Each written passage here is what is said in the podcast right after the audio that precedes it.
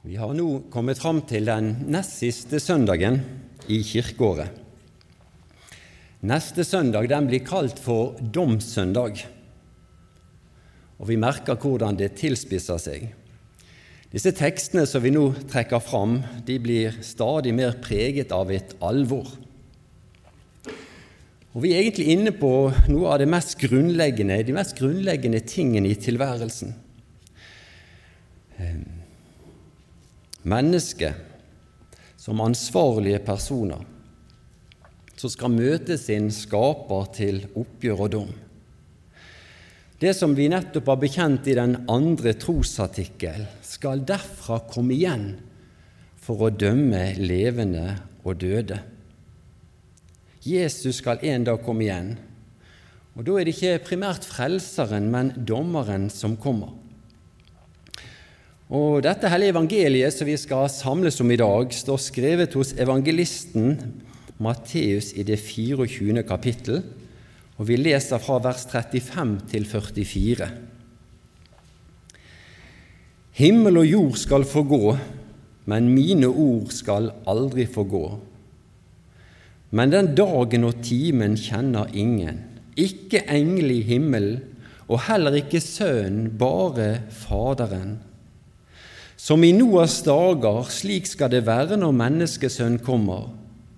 For i tiden før storflommen spiste og drakk de, giftet seg og giftet bort, helt til den dagen Noah gikk inn i arken, og de skjønte ingenting før flommen kom og tok dem alle.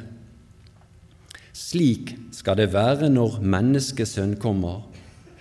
Da skal to menn være ute på markene Én blir tatt med, én blir igjen. To kvinner skal male sammen på kvernen, én blir tatt med, én blir igjen. Så våg da, for dere vet ikke hvilken dag Deres Herre kommer, men det skal dere vite. Dersom husherren visste når på natten tyven kom, ville han våke og ikke la han bryte seg inn i huset. Derfor må også dere være forberedt, for Menneskesønn kommer i den time dere ikke venter det.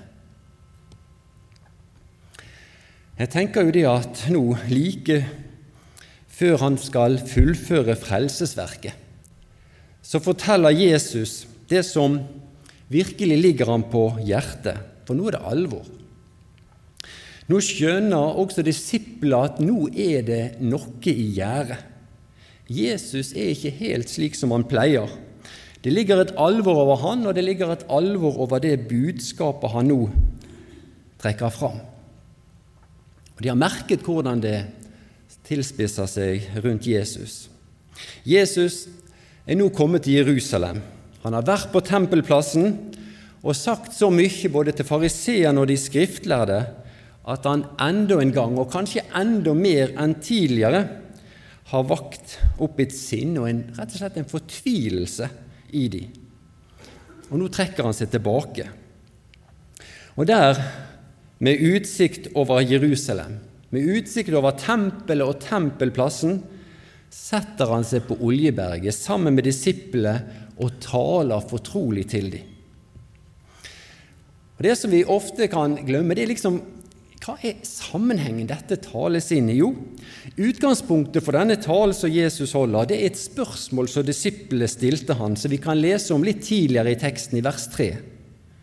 Der står det sånn Da han satt på Oljeberget, og disiplene var alene med han, spurte de, Si oss, når skal dette skje, og hva er tegnet på ditt komme og verdens ende? Det er midt inne i det svaret på det spørsmålet denne teksten er hentet ifra. Og Som en del av dere vet, så arbeider jeg ute på bibelskolen. Jeg har ansvar bl.a.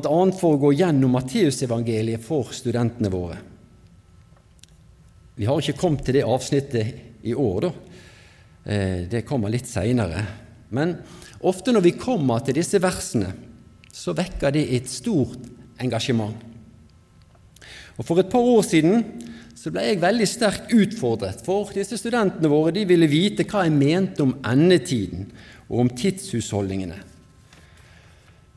Og Da jeg svarte litt sånn unnvikende og prøvde å pensle svaret over på det som Jesus svarte, så ville flere av ordet, for dette hadde de tydelig arbeidet en hel del med.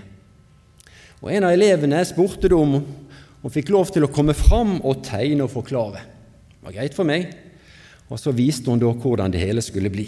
Både med bortryggelsen, med mellomtilstand, som skulle vare to ganger tre og et halvt år. Hun fortalte om tusenårsriket, hvor djevel skulle være bundet for en kort periode, bli sluppet fri, og så kom det her på rad og rekke. Vi fikk en, flott gjennomgang av disse tingene her, og flere av studentene de tok ordet etterpå, bekreftet noe og utdypte noe og, og, og korrigerte noe. Og Jeg må jo si jeg var litt sånn imponert over at de kunne være så oppegående på dette spørsmålet. Likevel så skal vi legge merke til at det er ikke disse detaljene Jesus vektlegger når han skal svare disiplene. Litt tidligere i teksten kunne vi lese Pass på at ikke noen fører dere vill. Ja vel. Dette sier Jesus til sine nære, til sine kjære disipler, som hadde nå vært sammen med han dag og natt i tre år og som hadde fått vært med på så utrolig mye flott, og virkelig fått høre, og det må jo være en drøm, å høre Guds ord ifra Jesu egen munn. Jesus tok til orde og sa, Pass på at ikke noen fører dere vill. Eller som han sier i vår tekst, så våg da, for dere vet ikke hvilken dag deres Herre kommer. Og I det svarene, og i disse svarene som Jesus gir gjennom denne teksten, så tror jeg han betoner hvor fokuset vårt skal være. Og En kjensgjerning her det er at det er ikke det samme hva vi tenker, sjøl når vi tenker på Gud. Det er ikke det samme hva vi tror, sjøl om vi sier at vi tror på Jesus. Det er så avgjørende at vi tror rett og at vi tenker rett. At vi gjør som Paulus formaner oss til, at vi tar hver tanke til fange under lydigheten mot Kristus. Og I hele, dette, i hele denne Jesu gjerning så ligger det et så utrolig sterkt driv etter å få bevare oss helt fram til himmelen. Denne Jesu vandring mot korset som nå lå rett foran beina på han, den blir så meningsløs dersom disiplet likevel skulle fare vill og gå fortapt. Det var tungt nok for Jesus å gå ned fra Oljeberg og overgi seg til korsdøden for en disippelflokk som holdt ut, for en disippelflokk som ble bevart i troen. Dersom han nå på tross av Jesu offerdød, dersom de nå skulle fare vill, så blir lidelsen så utholdelig det blir så bortkastet, det blir så forgjeves, det hele. Jesus tok til orde og sa, Pass på at ikke noen fører dere vill. Og Jesus han kjenner oss. Han vet det at tankene våre har så utrolig lett for å få sin forankring andre steder enn i Bibelen. Og det er så farlig. Når djevel i en eller annen skikkelse kommer med dette tilsnikende spørsmålet 'Har Gud virkelig sagt?', så er det så lett å begynne å komme og trekke på i tvil det hele. Det blir så lett å bli ført vill. Og I dag så får djevelen så god, utrolig god hjelp av alle disse dårende røstene som vi synger om. Dårende røster og dårende tanker fra mennesker som vi skulle hatt slik tillit til. Og så kan vi spekulere. Spekulere på hvor langt har vi nå egentlig kommet i tidshusholdningen. Og så kan vi lage oss et skjema, slik disse studentene hadde gjort, over endetiden. Og prøve å plassere oss. Hvor er vi kommet nå? Er vi der, eller er vi der? Den spekulasjonen vil jeg la ligge. Men det vi skal merke oss, og det Jesus legger inn over oss, det er at det blir ikke lettere å bli bevart etter hvert som enden nærmer seg, snarere tvert imot. Vi får gå inn igjen i denne talen som Jesus holdt, og se på noe av tegnene på verdens ende som Jesus forteller om, og se på tegn i vår tid. For Jesus og Jeg vil anbefale dere å komme hjem at dere leser hele dette avsnittet her. Jesus er så utrolig realistisk. Han forteller oss hvordan det skal bli. Han sier, og det han sier, det er fenomener som vi må ta på alvor.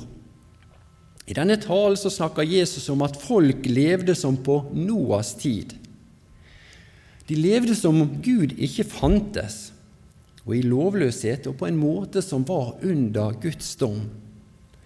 Og Det var vel i denne uken her at Dagen løftet fram dette med at bare fire av ti medlemmer f.eks. i Kirken trodde at det fantes en Gud. Jeg leste bare overskriften.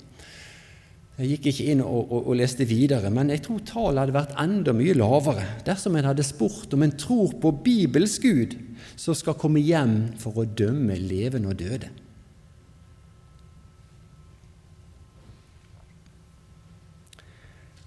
Sånn som Jesus taler om i vår tekst. Og Så står det litt tidligere avsnittet om falske lærere falske profeter, falsk lære, falske Messiaser som skal komme med tegn og under, og som skal føre mange vill. Det er en ganske alvorlig tekst vi er samlet om i dag. Og Det viser hvilken innflytelse disse menneskene har på oss. Og Når de skal føre mange vill, så er jo det oss kristne det er snakk om. Vi som har tatt imot Jesus og ønsker å leve for Han. Hadde det vært hedninger eller folk som ikke var kristne, ikke trodde på Jesus, så er det ikke snakk om å bli ført vill. De har jo aldri vært på sporet. Så står det om falske Messiaser. Messias det betyr jo den salvede, han som er innsatt av Gud for å frelse verden. Han som er kommet for å føre mennesker fra døden og over til livet. Han som er kommet for å føre oss inn i fellesskap med Gud. Falske Messiaser kommer med en frelse og en frelseslære som ikke er sann. De fører oss bort fra Jesus, bort fra synsoppgjøret og bort fra korset, og dermed også bort fra Gud. Og ikke det de røstene vi hører i dag, stadig sterkere og sterkere? Vi hører i dag, og det er ganske utbredt, forkynnelser som sier det at du er god nok. Jesus er fornøyd med deg. Du trenger ikke noen frelser. Gledesbudskapet vi skal gå ut med, er at Gud har skapt deg fullkommen, perfekt, akkurat sånn som han vil ha deg. Og det forkynnes på en måte og med en tyngde som neglisjerer syndefall og syndefallets konsekvenser. Vi hører i dag flere og flere røster som snakker om at Jesu død det var en solidaritetshandling. Det var ikke en frelseshandling, sånn som det tradisjonelt har blitt sett på. Nei, Jesus han solidariserte seg så sterkt med menneskene. Han pekte på urett, han satte seg opp mot maktshaverne på en måte som gjorde at på en sånn sterk måte at prosjektet hans feilet. Og I stedet for å få gjennomslag for sine radikale tanker, så fikk makthaverne nok av budskap av han, og så fikk de ryddet han av veien. De fikk tatt livet av han. Videre så forfektes det i dag, eller avfeies dette her kjernebudskapet om at Jesu død var for våre synder, med at, at det er en, en, en, tanke som er både barbarisk og, og meningsløs. Hvordan, sier en, hvordan kan en kjærlig Gud, en kjærlig far, ofre sin egen sønn? Nei, det blir altfor barbarisk, det blir altfor grusomt budskap. Hvilken far vil gjøre noe sånt? Og så kunne vi gjort listen lang av innvendinger. Og så skal vi ikke bli overrasket. For disse fenomenene med at en bortforklarer eller omskriver Guds ord, det er ikke noe nytt. Men vi skal legge merke til det Jesus sier til disiplene sine. Himmel og jord skal forgå, men mine ord skal aldri forgå. Ordet er det samme. Ordet har gyldighet i dag på samme måte som tidligere. Og de som taler slik som jeg nettopp har sagt, de er under den samme dom som profeten Jeremias løftet fram. Og vi, hvis vi leser i Jeremia i det 23. kapittelet, så vil vi kunne se en del avsnitt der som tar et kraftig oppgjør med vranglærerne, eller med vrangprofetene. Og I vers 16 og utover så står det mye. Og Jeg vil lese et par vers derifra. Jeremia 23, 16. Så sier Herren over herskarene. Hør ikke på ordene til de profetene som profeterer for dere.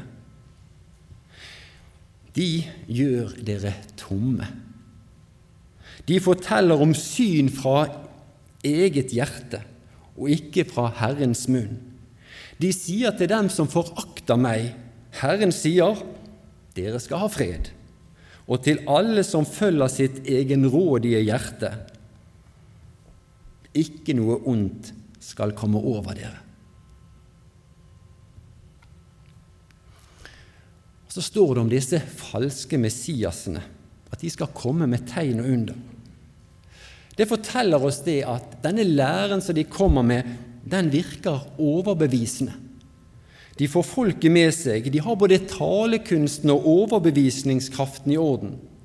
Men dere, det blir ikke sant av den grunn. Det blir ikke sant av det at en får massene med seg. Bibelen forteller at de leder vil. Matteus han understreker gang på gang dette i Jesu forkynnelse, at også djevel planter sine folk inn i menigheter, inn i forsamlinger, nettopp for å lede vill, nettopp for å forvirre, og det er en utrolig effektiv strategi. Han forvirrer og gjør oss på den måten maktesløse. Det å reise seg mot en ytre fiende, et ytre press, det skaper samhørighet, og det styrker fellesskapet. Da ser vi at vi trenger hverandre, og så mobiliserer vi mot en, en slags felles fiende. Langt verre er det når fienden opptrer som en del av fellesskapet, enten i form av personer som bevisst er kommet inn for å bryte ned, eller gjennom ugudelige tanker som får slå rot, og som får vokse i fellesskapet. Tanker vi har med oss inn fra en verdslig hverdag. Denne verdslige hverdagen vi lever i og vi blir påvirket av. Vi må være tydelige i hva som er rett og galt i hva som er rett lære og vrang lære. Vi må være tydelige og direkte. Vi må verne om det kristne budskapet. Det legger Jesus innover oss med stor tyngde. Vi må verne om det mest verdifulle vi har. Ingen må få tukle med ordet. Men, og som jeg har skrevet her i manuset mitt, NB, vi må gjøre det på en god måte. Poenget er at en forsamling det er et søskenfellesskap. Det er et søskenfellesskap, det er ikke noe det skal være. For vi er født inn i Guds familie. Gud er vår far, Jesus er vår bror og frelser. Og så skal vi hjelpe hverandre på veien på vår vandring til himmelen. Når noen faller, så er det vår oppgave å være der og hjelpe slik at de blir reist opp igjen slik at de ikke blir liggende i synd, slik at de ikke blir liggende igjen på veien, slik som Bibelen snakker om. Og Jeg tror det har skjedd en ganske så stor forandring i Indremisjonsforbundet de siste årene. Jeg tror vi hadde et problem tidligere. Vi sa så tydelig fra om synd og vranglære, og det er bra. Men jeg tror at det til tider i alle fall skjedde på bekostning av omsorgen for den som tenkte eller handlet galt. For det ble så viktig for oss å få sagt ifra. Det ble så viktig å få markert seg. Hvordan det gikk med den falne, det ble det ikke skikkelig tatt hensyn til. Hensikten med markeringen, nemlig at vedkommende skulle vende om eller bli reist opp igjen av fellesskapet og fortsette på denne vandringen mot himmelen, den gikk gjerne tapt underveis. Og så følte de seg utstøtt så følte de seg uverdige, sett ned på, og så forlot de menigheten. Og Det verste er at vi savnet de ikke. I alle fall ikke nok til at vi oppsøkte de og spurte etter de og prøvde å, å hanke de inn igjen. I dag tror jeg vi har det motsatte problemet. I dag er vi blitt så utrolig redd for å si fra, redd for å være tydelig. Og så bruker vi gjerne begreper som kjærlighet som en unnskyldning for ikke å være tydelig, eller for å godta det som Bibelen forbyr. Og så bruker vi begreper som om å ikke dømme hverandre, til en unnskyldning fra å reagere og si fra om at det er faktisk noe som er rett, og noe som er galt. Kjernebegrep i Bibelen, kjerneord av Jesu munn, det blir på en, en finurlig måte brukt stikk i strid med det innholdet som Bibelen gir det. Og så har jeg lyst til å gi dere et eksempel. Et eksempel som viser litt av hvor lett det er å bli forvirret og la seg lure. Det blir sagt av misjonærer som kommer til et nytt land, at, eh, med, med, Guds ord, at de må innføre gjerne nye ord og nye begreper for å få fram budskapet. Og Det sier det, det er en møysommelig, det er en vanskelig prosess. Og det tar lang tid å innføre slike nye ord i språket. Men vet du hva? Jeg tror at vi har et enda større problem. Vi har ordene, men Bibelen og samfunnet legger helt ulik betydning i ordene. Vi har ordene, og vi tror vi forstår ordene, men så blander vi så lett hva er egentlig innholdet her. Kjærlighet er jo et kjerneeksempel her. For dette ordet kjærlighet det vekker umiddelbart assosiasjoner hos alle mennesker. For alle er jo opptatt av kjærlighet. Vi synger om det, vi leser om det. Vi snakker om det, og vi tar det for gitt at alle forbinder det samme med dette ordet. Men det er galt. Det er helt galt. Og Jeg vil påstå at nettopp begrepet kjærlighet har en mot, omtrent motsatt betydning, et motsatt innhold i Bibelen og i verden. I verden er ordet kjærlighet først og fremst en følelse, en nytelse, hvor jeg er i sentrum hvor mine følelser, mine behov, mine drømmer, mine lengsler er i sentrum. Det handler om meg, meg og meg. I Bibelen er kjærlighet noe vi gjør til beste for en annen. Det er ikke meg og mine behov som står i sentrum, men det er den andre, den som kjærligheten er rettet imot. Og Det er derfor Johannes skriver i sitt første brev La kjærligheten være sann, ikke tomme ord, men handling. Det viste, det demonstrerte Jesus til fulle i sin kjærlighetsgjerning for å frelse verden. Dersom vi har kjærlighet til hverandre, dersom vi oppfatter oss som søsken som skal hjelpe hverandre fram mot himmelen, så kan jeg ikke møte en kristen bror eller søster som kommer med vrang lære, eller som har viklet seg inn i en synd med at 'ja, men jeg kan jo ikke dømme', eller at jeg av kjærlighet til han bare må godta at han tenker og, og handler som han gjør. Nei, det er jo å klappe vedkommende på skulderen og sende han i fortapelse. Det er ikke kjærlighet, det er sløvt. Det er faktisk ukjærlig, og det er et svik. Jesus sier i denne konteksten Pass på at ikke noen fører dere vill. Jesus sier i vår tekst i dag, så våg da. Og han sier det med utropstegn. Han har ikke bare den enkelte i tankene, men har hele disippelflokken, hele menigheten, hele bedehusforsamlingen. Og så vet jo vi hvor sårbare vi er både som enkeltpersoner og som forsamling. Vi vet hvor lite som skal til før det blir både splid og spetakkel, både i hjemmene våre og i det kristne fellesskapet. Vi vet det, og vi vet av smertelig erfaring. Men det gjør djevel òg. Og Jesus understreker også denne sammenhengen litt tidligere i denne talen som han holder. På den tiden skal mange falle fra de skal angi hverandre og hate hverandre. For i frafallstider så skjer det noe med flokken. Det blir splittelse. Det blir personangrep. En føler seg krenket, og en har behov for å skade den andre parten. Og Det er nok et kjennetegn på, den, på de siste tider. Hvordan de kristne har det seg imellom, det er et barometer som forteller om den åndelige situasjonen i forsamlingen. Og Jeg tenker på det her i Betlehem. Er her en storebror som har tatt på seg oppgaven å være en rettleder og sjelesørger.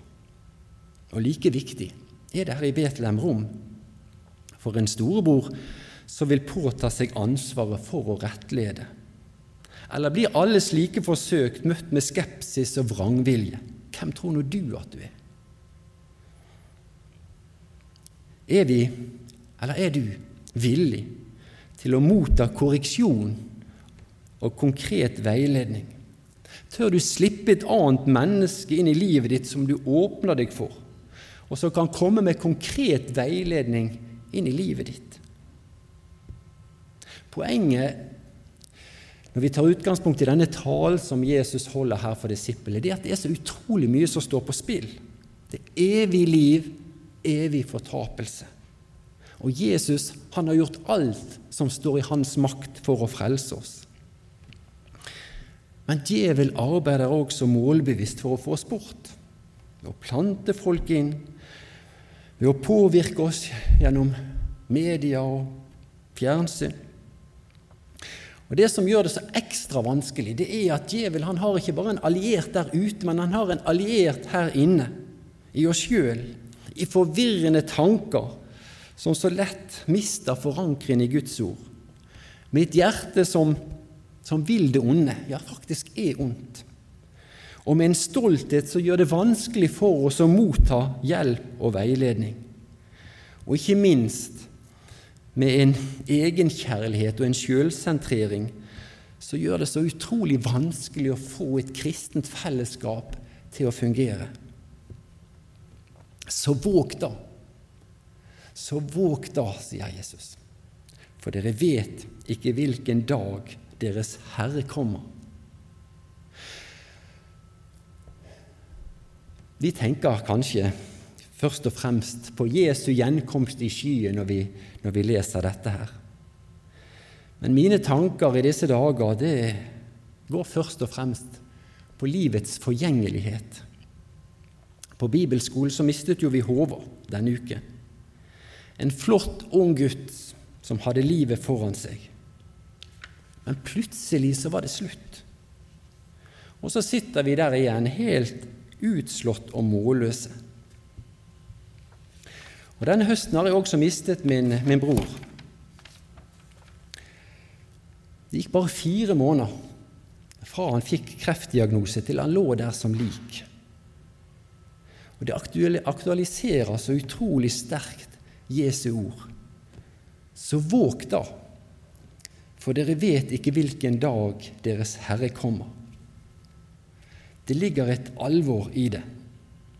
Og så ligger det et stort håp i det, i at Herren kommer for oss som tror på Han.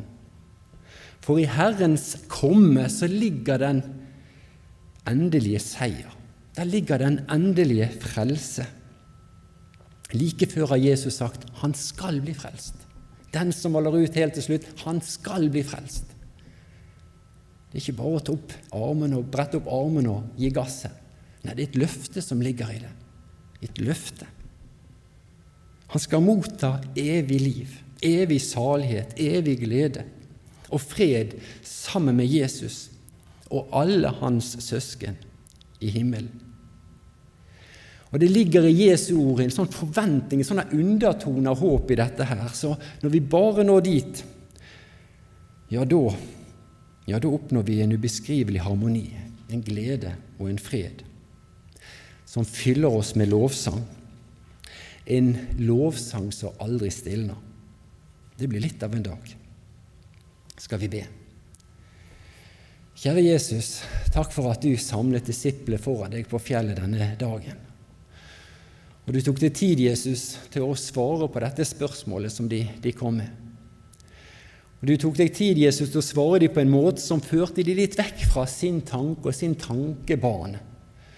Fra om å få et matematisk stykke til å gå opp, til å sentrere det om det som betyr noe. Pass på at ingen fører dere vill. Så våg deg, Og kjære Jesus, nå kjenner du oss. Du vet hvordan vi har det. Du vet, Jesus, hvordan livene våre er. Og jeg ber Jesus om at, at du må ta tak i oss. At du må holde oss fast nær inntil deg, så vi ikke tutler oss vekk. Du ser det er så utrolig mange ting hvor, kan, hvor, hvor livet snubler, og hvor livet kan trøble seg til, og hvor ting ikke blir sånn som vi ønsker, og sånn som vi hadde sett for oss. Kjære Jesus, la oss få leve nær deg. Hold oss fast, Jesus, sånn at vi alle når fram. Kjære Jesus, la oss ikke utsette oppgjør, la oss ikke utsette ting som er vondt og vanskelig oss imellom. Men kjære Jesus, la disse alvorlige ordene være med og føre oss sammen som, som søsken, som forsamling. Kjære Jesus, sånn at vi kan se at vi har et ansvar for hverandre med å heie hverandre fram på himmelveien. Jesus, jeg ber om at du må holde din hånd over denne forsamlingen. At det kan være en forsamling som er ledet av deg og preget av deg. En forsamling hvor det er godt å være, og hvor en kan være med på dette heialaget Jesus fram mot det evige liv. Amen.